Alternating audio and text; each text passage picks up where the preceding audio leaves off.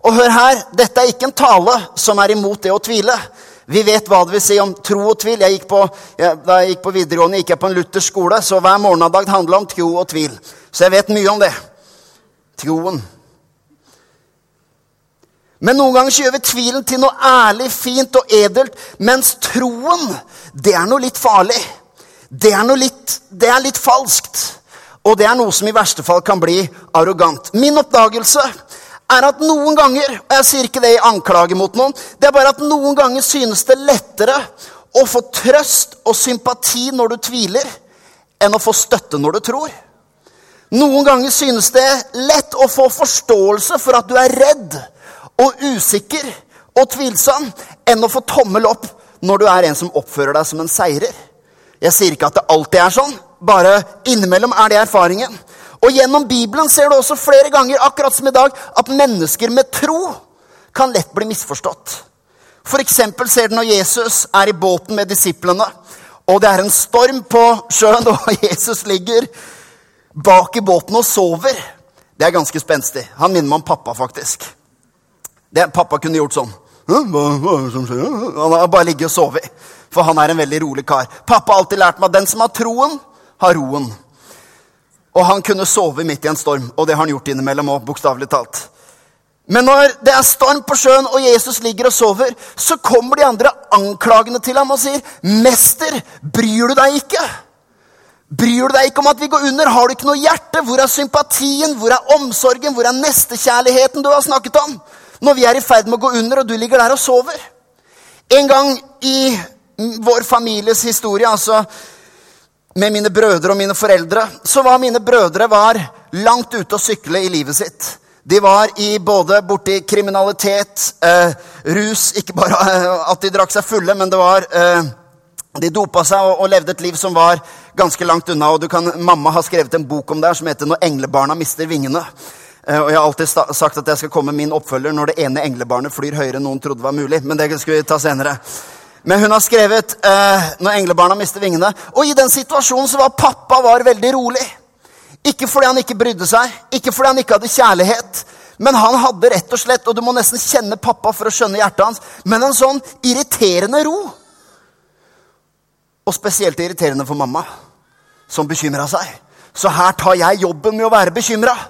Her gjør jeg alt for familien, og jeg er den som, som ligger oppe om natta og venter på liksom, telefonen, enten det er fra politiet eller men, så, så, du vet, Det er denne her følelsen av nesten litt selvrettferdighet, og jeg bryr meg med min bekymring. Jeg har omsorg med min bekymring. Du ligger der og sover med din tro. Hva er galt med deg? Det er ikke lett alltid å ha tro. en av grunnene, tror jeg, til at vi sliter av og til med troen, selv om vi kanskje egentlig har egentlig nok åndelige muskler til å kunne tro, så velger vi av og til ikke gjøre det. fordi jeg tror noen ganger, spesielt kanskje min generasjon, så blander vi det å tro med det å være ekte. For vi tenker at det å være ekte og det å være ærlig, det er å alltid se tingenes tilstand som det er. Snakke ærlig om mine følelser, hva jeg opplever, hva jeg betrakter, hva jeg ser. Og ikke, smør, altså ikke skjule noen, noe som helst, men være ekte og ærlig. Og det er en fin ting. Er du med meg så langt?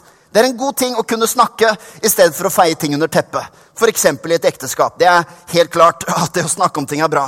Men noen ganger så kan vi nesten da stå i et valg mellom skal jeg være ærlig om saken, eller skal jeg tro Gud i situasjonen min? Da tror jeg bare som en sånn parentes her, det er viktig å forstå hva tro er. Hebrebrevet 11,1 sier at tro er full visshet om det en håper, overbevisning om tingen ikke ser. Nå skal jeg gjøre en ting som jeg trodde egentlig neste generasjon skulle legge av seg, men pappa har gjort sånn her i alle år. Si ikke! Sånn har alltid pappa holdt på. Si 'jeg er en sau'. Han alltid, når han leser sånne lignelser om fårene og hundene. Si 'jeg er en sau'. Si 'bæ'. Det er utrolig hva du kan få en forsamling til å gjøre. Men alt du, alt du skal si nå, er en gang til 'ikke'. Det er overbevisning om ting du ikke ser. Så ut fra det verset så mener jeg det er et hint om at faktisk det vi føler, det vi betrakter, det vi ser, det som er synlig, det som er håndpåtagelig, det som er konkret, er faktisk av og til i et spenningsforhold mellom troen og det vi ser. Betyr det at vi skal bare tro og late som vi ikke ser noen ting? Være uærlig og liksom bare bekjenne oss til et eller annet vi egentlig ikke er overbevist om? Ikke snakke om hva vi føler, ikke være ærlig? Nei, absolutt ikke. Men jeg tror faktisk vi er som utgangspunkt for å kunne tro, så må vi forstå at troen beveger seg i en annen virkelighet. Fordi ærlighet den har å gjøre med det vi ser, føler, opplever, gjennomgår. Tro har å gjøre med noe som ikke er synlig ennå. Noe som vi ikke kan ta og kjenne og føle på. Til og med selve troen på Gud er usynlig. Bibelen sier selv 'ingen har sett Gud', står det. Men hans sønn, Jesus, har åpenbart ham. Ok? Og da kan det være greit å, å, å forstå når vi, når vi, føler vi kanskje står i valget mellom å tro Gud eller skal jeg være ærlig om situasjonen, så er det viktig å forstå at Guds virkelighet er jo egentlig den mest ekte virkeligheten. Det livet her er jo midlertidig. Det jeg føler akkurat denne formiddagen, er basert på mange sårbare, skjøre, usikre faktorer. Alt fra blodsukker Helt sant. Antall timers søvn. Omstendigheter. Kjemikalier i kroppen kan avgjøre dagshumøret. Så det å være ærlig om akkurat hva jeg føler hver dag, det er egentlig noe veldig foranderlig og innimellom litt uekte. Følelsene snakker ikke alltid sant. Den verden som Gud er i, hans sannhet, hans løfter, hans virkelighet, hans ord, hans liv, hans nærvær, det har vært der fra evighet til evighet. Så hvis du først skal være ekte, så er du nødt til å bevege deg over i troen. For det er en ekte virkelighet. Det vi ser, er midlertidig. Det vi føler, er midlertidig. Betyr at vi skal feie det under teppet? Nei, nei, nei. Men det er viktig å forstå at dette er bare for en tid. Dette er skjørt. Dette er sårbart. Enten jeg føler meg helt tipp topp eller er helt nede i gjørma, så er det viktig å forstå at begge deler er bare for en tid. Mens Gud er fra evighet til evighet. Så leve i det landskapet og leve i Guds virkelighet, i Guds sannheter, i Guds ord. Det samfunnet sier, og det kulturen sier, og det er ting vi lytter til som kirke og lærer oss og prøver å, å, snakke samme språk som samfunnet. Men det er viktig å forstå at det som er populært, og det som er strømningen, og det som er hipt, og det som er inne i tiden de siste ti årene, det er veldig sårbart. Det er veldig skjørt. Det går veldig opp og ned. Og spesielt min generasjon kan være fryktelig overbevist om en sannhet man har vært enige om i fem år. Men Guds ord, den står fast. Fra evighet til evighet. Så hvis du først skal basere livet på noe ekte, så gjelder det å basere det på Guds usynlige verden. Det er en virkelig verden. Man kan jo si at de andre i historien om Jairus' datter, som kom og, for å bruke Bibelens eget dramatiske språk, de gråt, jamret seg, støyet og klaget. Jeg syns det er morsomt at det brukes sånne ord. Det fins et norsk moderne ord for det drama. Det var mye drama. Og man kan jo si at de var bare ærlige om hva de så. De så Jairus' datter dø. Det var virkeligheten de så. Og de kom og mer enn gjerne rapporterte om det. Det er en liten sånn bare refleksjon i teksten her, at de var så ivrige også på å stoppe Jairus fra å være sammen med Jesus. Og sa Jairus, ikke, ikke forstyrr han lenger, datteren din er død. Det er jo veldig omsorg i situasjonen. Du skjønner, Bekymrede mennesker setter av og til, og ikke føler noen fordømmelse her nå hvis du er en bekymra person, men noen ganger så kan vi ta vår bekymring og nesten utøve selvrettferdighet og legge dem på andre og smitte andre med dem som en slags nesten evangeliseringskampanje for vår bekymring. Og når vi bekymrer oss, så føler vi til og med at vi får litt gehør. Og kanskje man til og med i verste fall Jeg skal eh, slutte mye mer oppmuntrende enn det giret jeg er inne i akkurat nå. Men noen ganger så kan til og med vår frykt og bekymring bli noe vi blir avhengig av. For hver gang vi uttrykker frykt og bekymring og vantro, så er det noen som kommer og sier 'Å, få høre mer'. Og hver gang vi kommer med en negativ rapport, så er det noen som spisser ørene. Og man får kanskje til og med en oppmerksomhet og til og med en bekreftelse fra mennesker. Siden det vises sympati, støtte og omsorg, og det er godt. er Det ikke det? Det er fint det når man har det tøft å ha noen å snakke med. Men det fins en balanse der vi går over i å støtte og stadig ville ha noe å bekymre oss over, noe å være litt negativ på, noe i en eller annen form av vantro. For da er det som om folk hører på oss. Kanskje når du kommer med en positiv rapport om hva som skjer i familien, så er det ikke sånn voldsom applaus og masse mennesker er interessert. Men hvis du har noe ordentlig, kanskje litt sånn, litt sånn et rykte med litt sting i. Kanskje bitte lite grann sladder. Du vet, sånn der, Ikke for å baktale, altså, men hjelper ikke å begynne en setning med at du ikke skal gjøre det, hvis du faktisk gjør det etterpå. Bare så det er sagt. Men jeg, noen ganger så kan vi få litt bekreftelse for frykt og bekymring. Og disse her kommer nesten for å ta litt oppmerksomhet. Jesus står og underviser. Jairus står sammen med Jesus, men her kommer disse som har sett Jairus' datter dø, og kommer og liksom tar over showet. Uh, slutt med det, det dere holder på med. Her er det grunn til å se ned i bakken. Og jeg forstår i det naturlige, selvsagt, når et dødsfall finner sted, så ville det vært responsen hos oss alle. Naturligvis. Men la oss likevel se videre hva som skjer i teksten. For å skjønne Jesus Det han så, var en sovende jente. Og han var ærlig, han òg. Jesus faka ikke. Jesus bare så en annen virkelighet enn alle de andre. Der de andre så et liv som var dødt, slutt, over, terminated. Der så Jesus bare noe som lå i dvale, og hadde tenkt å vekke det til live. Tro er ikke alltid et valg om å være ærlig eller ikke ærlig, men det handler om hvilken virkelighet er det du ser. Hvilket perspektiv er det du ser i? Hvem sine øyne er det du ser i? Er det gjennom Guds ord, gjennom Guds perspektiv, gjennom Guds sannhet, gjennom Guds ord, gjennom Guds løfter? Eller er det gjennom alt som kan tas og føles på og kjennes og oppleves akkurat her og nå?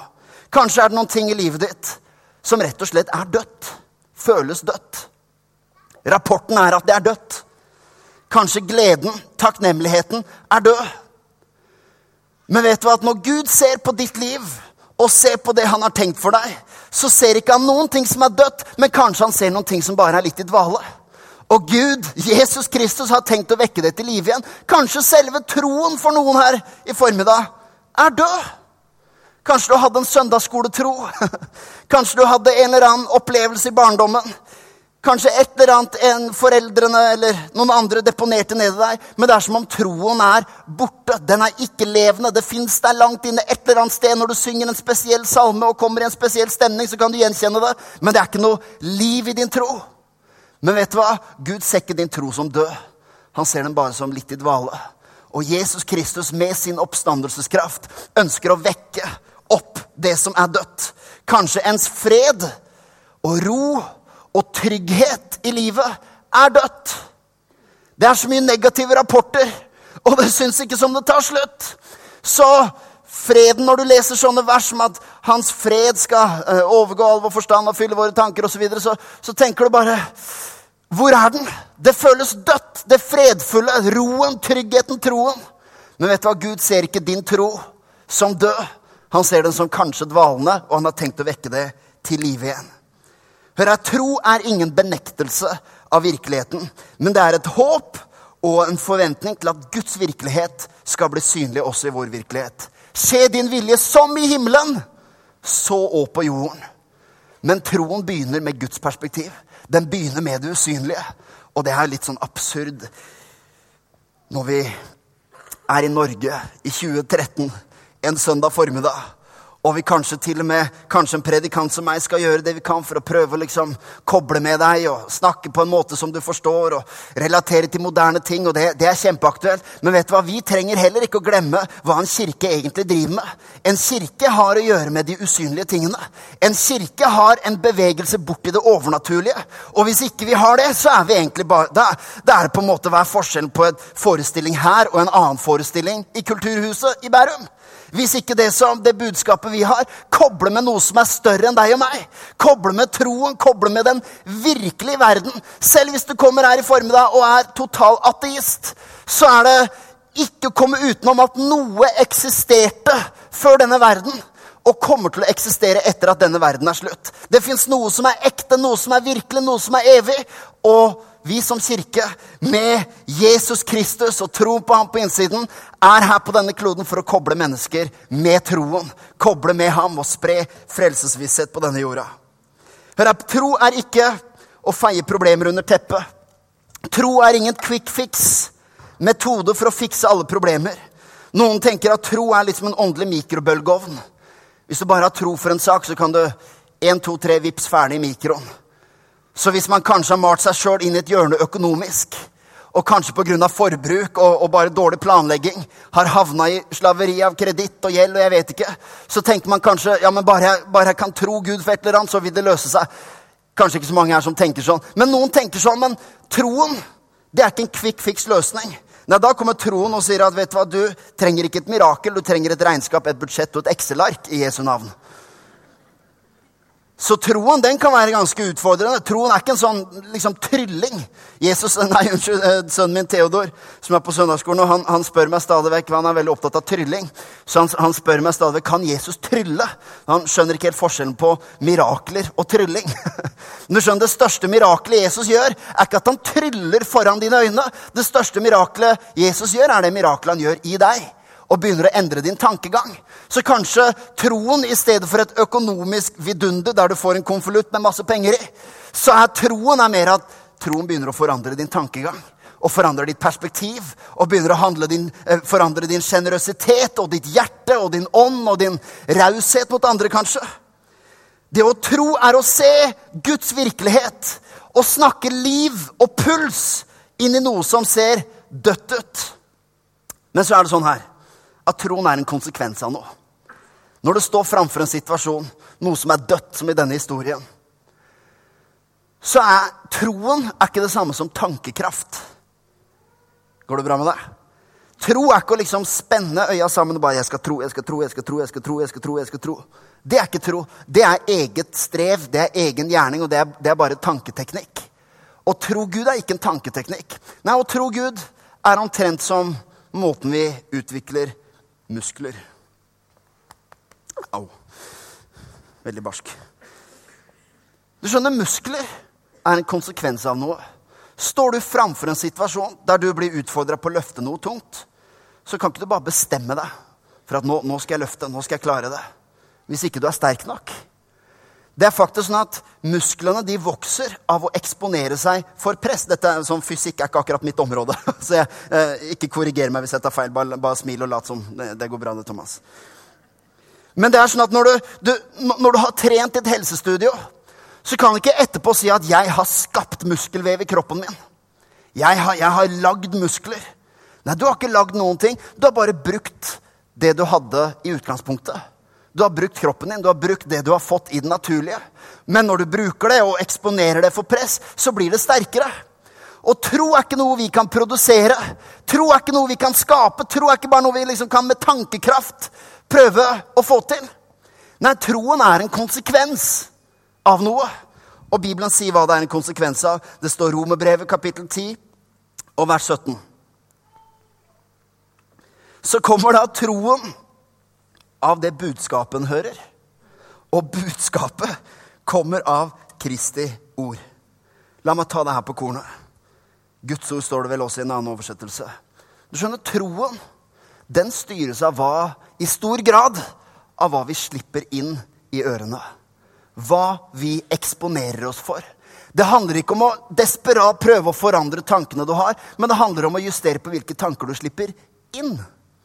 Ofte når mennesker kanskje trenger hjelp i sitt tankeliv, så er det, så er det veldig bra. Men for en som tror på Gud, så fins det en bevissthet, og du er en leder over ditt eget sinn i hva du slipper inn i ørene. For det som bygger din tro, er Kristi ord. Guds ord vil forandre våre tanker. Vet, dette er enkelt stoff, det er kanskje litt sånn søndagsskolestoff, men likevel så eksponerer vi ørene for så veldig mye forskjellig. La meg, la meg, prøve å forklare hvordan dette funker. Er det noen her som noen gang har sittet på surfa på YouTube? Hvor du skal se en film, f.eks. Takk eh, Thomas uh, her for introduksjonen i stad. Og han nevnte Vålerenga og alt det greiene. Jeg, jeg syns det er dumt å bringe sånne verslige ting inn i kirka.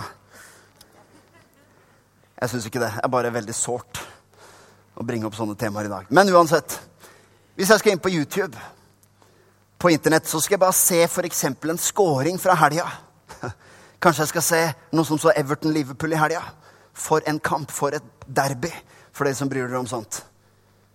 Hemningsløs begeistring for sånt, ja. Men jeg skal bare inn på YouTube og så skal jeg se en scoring fra helga. Vet du hva som av og til skjer med meg? Jeg vet ikke om det bare er meg, eller om det har skjedd med andre. Tre timer etterpå så sitter jeg og har klikka meg videre og ser på japanske nyhetstabber på værmeldinger. fra Tokyo lokalvær. Hvordan skjedde det? Jo, fordi på YouTube Jeg vet ikke om, du, om alle her er kjent med YouTube, men er, du skal se en film som er på nettet, og for hver film du ser Jeg tror vi har et bilde av hvordan YouTube ser ut. For hver film du ser ja, Her er vi i Vennebyen. Det er sånn hverdagen vår her. Uh, vi skulle, vi skulle, se Vennebyen på YouTube, så her trykker du på play, og så ser du en tre minutter lang film med Vennebyen. Men for hver film du ser på YouTube, så dukker det opp ti forslag på høyresiden som heter 'relaterte filmer'. Og vet du hva, når du først skal se én film, så er det veldig ofte at en av de neste ser interessant ut også. Så du klikker en gang til. Og vet du hva som skjer når du klikker på den? Jo, da kommer det ti nye forslag. Og når du klikker på den, så kommer det ti nye forslag til. Og så klikker du på den, så kommer det ti nye forslag til. Og det begynte med at du bare skulle se en fotballskåring. Og så kommer det ti relaterte videoer, og så står det plutselig 'Topp ti skåringer i 2013'. Ja, men det må vi kikke på. Så kommer det neste 'Topp ti keepertabber i 2009'. Ja, den må jeg i hvert fall se. Og til slutt så ender det opp med tabber på værmeldingen. For det er helt tida relaterte videoer som bare liksom utvikler seg videre til du sitter tre timer etterpå og ser på noe helt annet. Sånn fungerer tankene. For hver frykt, for hver bekymring, for hver ting som vi blir eksponert for, for hver ting som kommer inn i øra, så gjør hjernen bare jobben sin og foreslår ti relaterte tanker. Hva kan gå galt?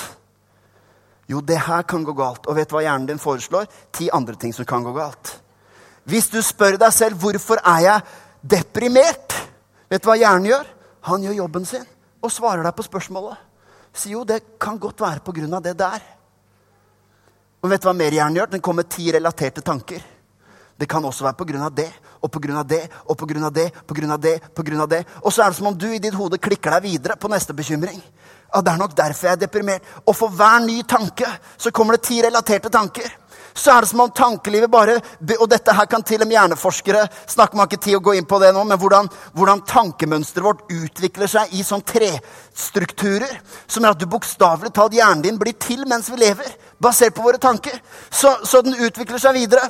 Og det jeg sier, er at troen er ikke en tanketeknikk. På ingen måte. Men vet du hva Bibelen sier? Ta hver tanke til fange under lydigheten mot Kristus. Vet du hva det betyr? Det betyr at noen ganger så må du stoppe på den første filmen. Stoppe på første tanke og ikke klikke deg videre, men begynne å eksponere ørene for riktige ting. Sånn at når du spør deg selv hvorfor er jeg deprimert Kanskje det er noen unge her som vet Jeg er pastor bl.a. i OKS Citykirken, hvor vi har mange unge single.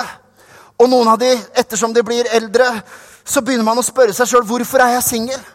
Er jeg ikke attraktiv? Og vet hva hjernen deres gjør? Den svarer på spørsmålet. Jo, det kan være på grunn av det. Er det på grunn av det? Er det på grunn av sveisen din? Det kan være pga. kroppslukta. Det kan være på grunn... Nei da, jeg bare holder deg våken. Det kan være mange ting. Og vet du hva? hvis man spør seg selv, så er det, det neste bildet er som Google. Hjernen fungerer som Google også, hvor du bare søker inn et ord. Her har jeg skrevet bilmerker. Og hva får du opp da? Jo, Citroën, Skoda, Audi, Volvo, Saab, BMW, Ford, Suzuki, Mitsubishi, Saab, Volkswagen, Nissan, Peugeot, uh, Jaguar, Bentley, Rolls-Royce Ja, du skjønner poenget. Uh, du får opp bilmerker. Og hjernen din fungerer på samme måte. Hvorfor er jeg singel? Vet du hva den gjør? Den viser deg mange, mange, mange grunner til at hvorfor du kan være singel. Det er nok på grunn av det. Det er nok på grunn av det. Så hjernen gjør bare jobben sin. Men hvis du står framfor en situasjon så trenger du å eksponere ørene for riktige ting. Og ikke bare spørre deg selv hva kan gå galt. Hvorfor er jeg deprimert? Hvorfor blir jeg avvist? Hvorfor er jeg ulykkelig? Hvorfor er jeg singel? Hvorfor har jeg ikke høyere inntekt? Hvorfor har jeg ikke lyktes mer med det her? Hvorfor, hvorfor har jeg ikke det samme som de har? Du skjønner, du må endre spørsmålene og begynne å eksponere tankene for hva har Gud gitt meg som er attraktivt? Og vet du hva hjernen gjør da? Da svarer han deg på det. Og fyller deg med tro. Du må begynne å spørre deg selv når du står framfor en situasjon fins det noe i Bibelen som sier noe om den situasjonen jeg står i. Og hjernen sier jepp, jepp, jepp. Jeg kan minne om et par ting du har hørt. Og så fyller du deg med Guds ord, så fyller du deg med Guds sannhet, som sier 'vær ikke bekymret, kast dine bekymringer på ham', for han har omsorg for dere. Så begynner sakte og sikkert tankene å endre seg. Det skjer ikke på et magisk triks over natta. Det er omtrent som å fylle et badekar. Hvis et badekar er stappfullt av iskaldt vann, så hjelper det ikke å skru på varmt vann i tre sekunder. Da er det fortsatt kaldt. Men hvis du lar det renne varmt over en lang tid, så blir det til slutt riktig temperatur.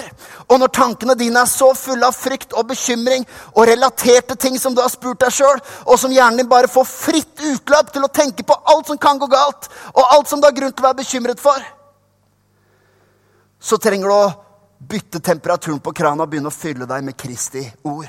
Fylle deg med hans sannhet, fylle deg med hans legedom, med hans løfte. Hva er det han sier om saken? Og det er da jeg syns det er en veldig spennende detalj i fortellingen her. Jeg nærmer meg slutten, men orker du bare eh, bitte, bitte litt til, så er jeg snart i mål?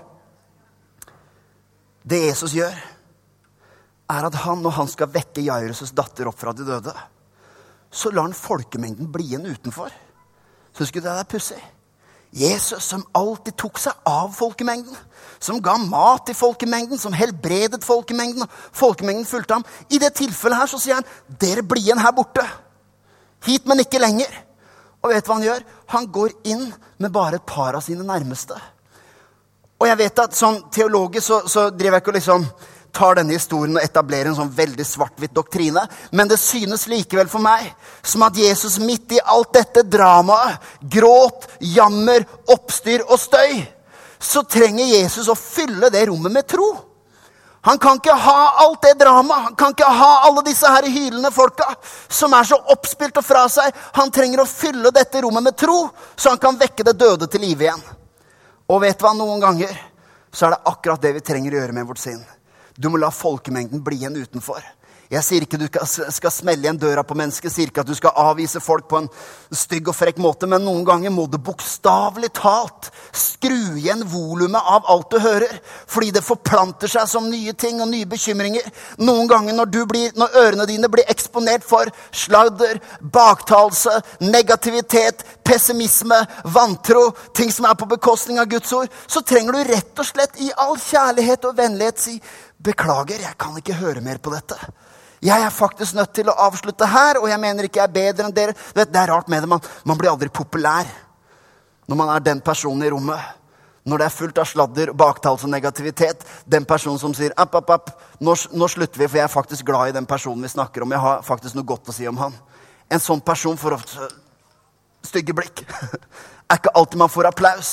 Og det er det jeg mener, Noen ganger får man mer gehør for negativiteten enn for å faktisk steppe opp og steppe fram med tro. Men du behøver noen ganger å sette folkemengden igjen utenfor og rydde sinnet ditt for tanker, sånn at du er klar for å fylle det rommet her oppe med tro.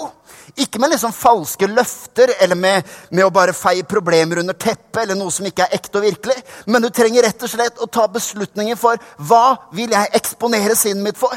Vil jeg eksponere det for Guds tanke, for Guds tro? Skal jeg, eller skal jeg slippe folkemengdens oppstyr og drama inn? Jesus blir i hele denne situasjonen så blir han for det første eksponert for en folkemengde. i vers 24 og 37. Jeg tror vi har lista her også. Og vet du at Det kan være en folkemengde i livet vårt. En folkemengde i vårt liv, det kan være en vennekrets. Det kan være familien. Jeg sier ikke at du skal vende, vende deg bort fra familien, men noen ganger, noen ganger Gjør det her i kjærlighet, gjør det her i raushet, gjør det her med ydmykhet, gjør det i Kristus sin. Men noen ganger trenger du til og med kanskje å lukke døra litt for dine nærmestes drama. Og si at 'jeg elsker dere, jeg er glad i dere, men jeg kan ikke bli eksponert for mer vantro akkurat nå. Nå trenger vi å fylle sinnet vårt med Guds tanker. Og ta vare på hverandre og bygge tro i hverandre. En, en, folkemengde i vårt liv, det kan være hva kulturen sier, hva samfunnet sier. Det finnes mange folkemengder som vil trenge seg inn i sinnet. Og jeg sier ikke du skal lokke verden ut. Jeg bare sier du må finne ut hva skal jeg eksponere øra mine for. For troen kommer av forkynnelsen. Forkynnelsen kommer av Kristi ord. I vers 35 og 36 blir det eksponert for en negativ rapport. Vers 38 og 39, alt drama vi har snakket om her. Um, det er viktig å forstå også når mennesker er oppspilt, når mennesker er frustrert, når mennesker er negative, når mennesker er bekymra. Så vet du hva? Det er fullt mulig å være der for mennesker uten å nødvendigvis ta deres parti i konflikten.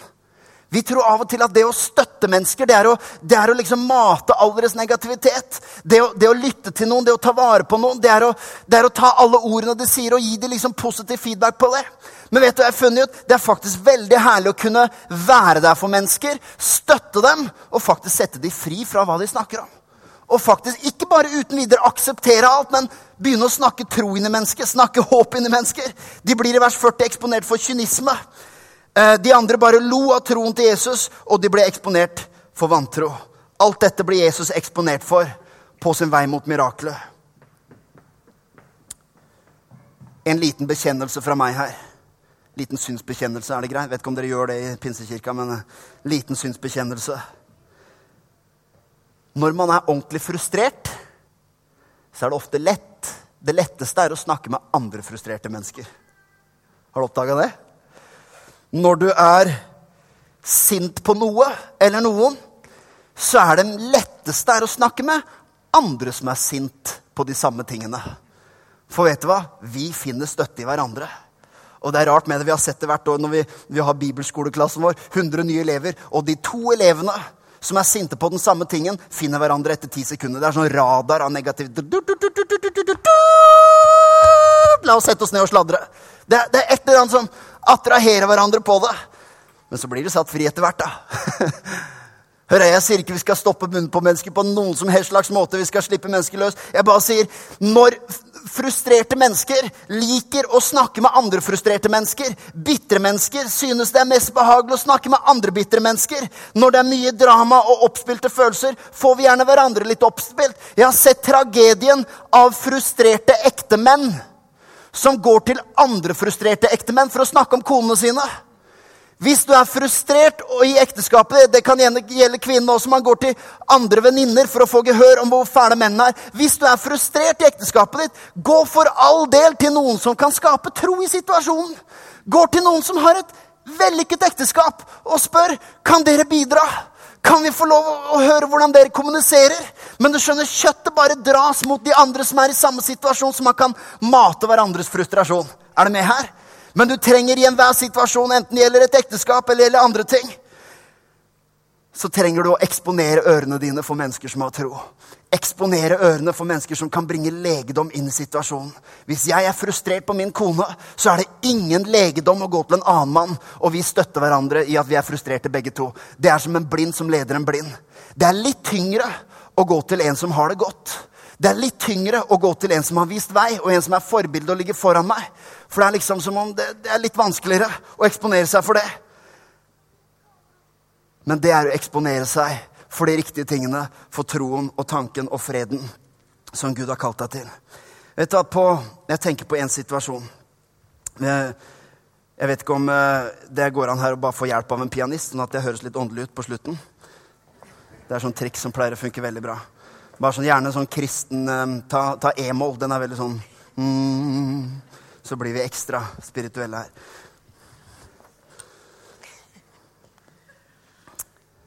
Helligånd liker a-moll og e-moll. Sånn, ja. ja vel. Nei da. Bare gjør hva du vil. Men la meg fortelle en kjapp historie, og så skal jeg avslutte. Jeg og Katrine, når vi fødte vår første baby, Theodor Etter seks dager så skulle vi ha han med på gudstjeneste for første gang til kirka vår. Vi var veldig stolt. Veldig kry. Første baby. Skulle vi vise ham fram. Du vet, Som et trofé. sånn der, Som i Løvenes konge. Så Mufasa! Så holder hun opp, liksom, og skal hele menigheten få se den. Og det som skjer er at uh, Han om, eller vi, han sover hele natta. Seks dager gammel, og vi blir imponert. Tenker wow. Første natta han sov gjennom hele natta. Våkna ikke engang. Så vi tenkte oi, dette her lover jo veldig bra. Inntil vi kjenner på han og kjenner at han er glovarm, gloheit. Han koker. Så det som skjer, jeg, Vi var egentlig, eh, vi skulle av gårde om liksom en times tid. Jeg skulle tale på to gudstjenester den dagen. Men vi skjønner at han her er jo ikke frisk. Og er seks dager gammel, et spedbarn. Så, så min svigerfar kommer inn, hjelper oss, tar ham med på legevakta. Mens jeg, jeg, måtte, sånn som situasjonen var, dro jeg videre til kirka og skjønte kanskje ikke alvoret av situasjonen fullt ut heller. Tenkte at han Feber kan jo babyer få. Så viser det seg, lang historie kort, men det viser seg at det var ganske alvorlig. Han hadde sånn nyfødt sepsis. Og eh, de sjekka han først for hjernehinnebetennelse og flere sånne alvorlige ting.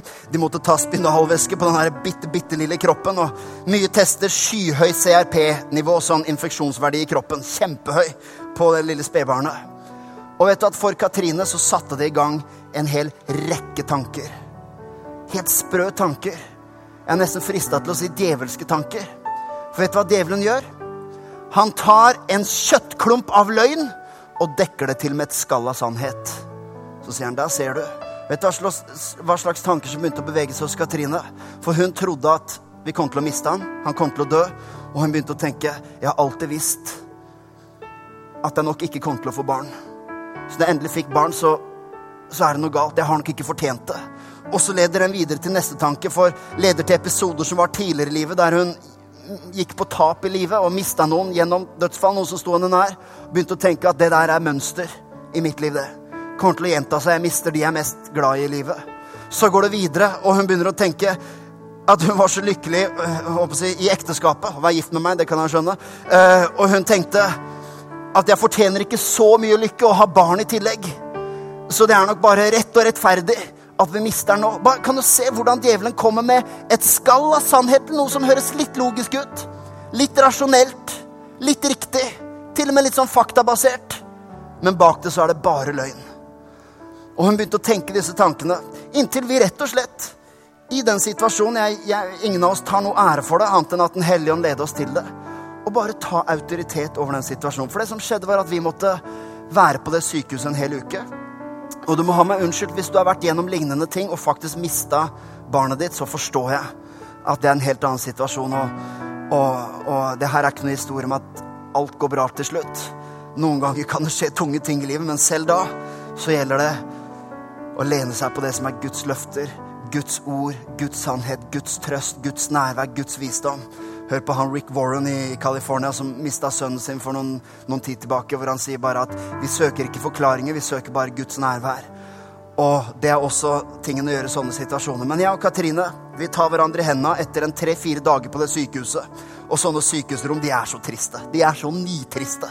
Om ikke du er sjuk før du kommer, så er det det etter der.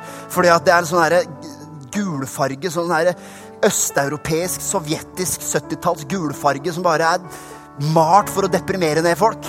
Eh, så det er sånn nitrist rom. Så, og vi har det vondt, og vi er fulle av frykt og bekymring. Og så tar hverandre i hendene, bare ber en helt enkel bønn. Gud er ikke dauhørt, så du kan be bare helt vanlig en troens bønn. Si, Far i himmelen, vi ber om din fred. Vi ber også om din legedom. Men uansett hva som skjer, så tjener vi deg, Herre. Og vi vil at ditt nærvær skal fylle oss, og ditt nærvær skal være det rommet. Og vet hva som skjer?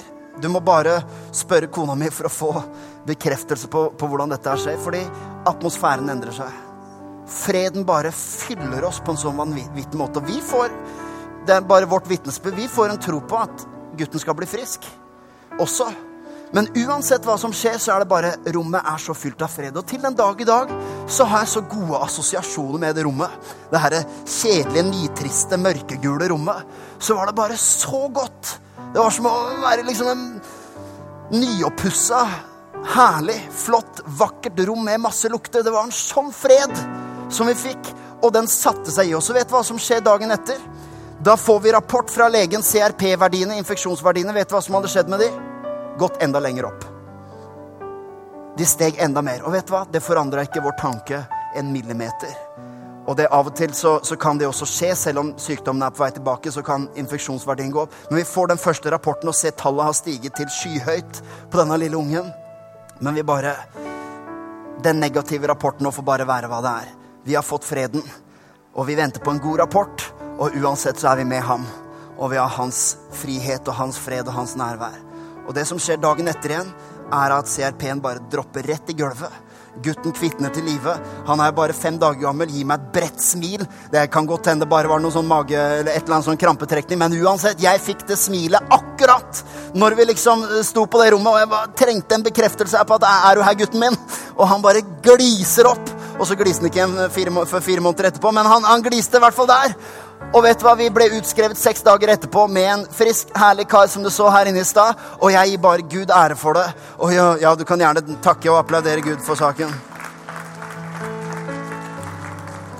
Ok, jeg vet ikke alltid ender sånn i alle historier, men for oss så var det bare vitnesbyrd om å fylle sinnet sitt, forandre tankene sine, for du kan la det der løpe løpsk med grunner til at du ikke har fortjent det. og enda flere ting som kan gå galt. Og, og hvorfor du kanskje til og med litt selvrettferdighet i ting. Så trenger du bare å ta en tanke til fange og si 'hit, men ikke lenger'. Nå slutter jeg å klikke videre opp i sinnet mitt. Nå fyller vi oss med Guds tro og Guds ord. Amen? Skal vi lukke øynene over hele salen, så skal jeg bare stille et enkelt spørsmål. Hvis du er her og ikke kjenner Gud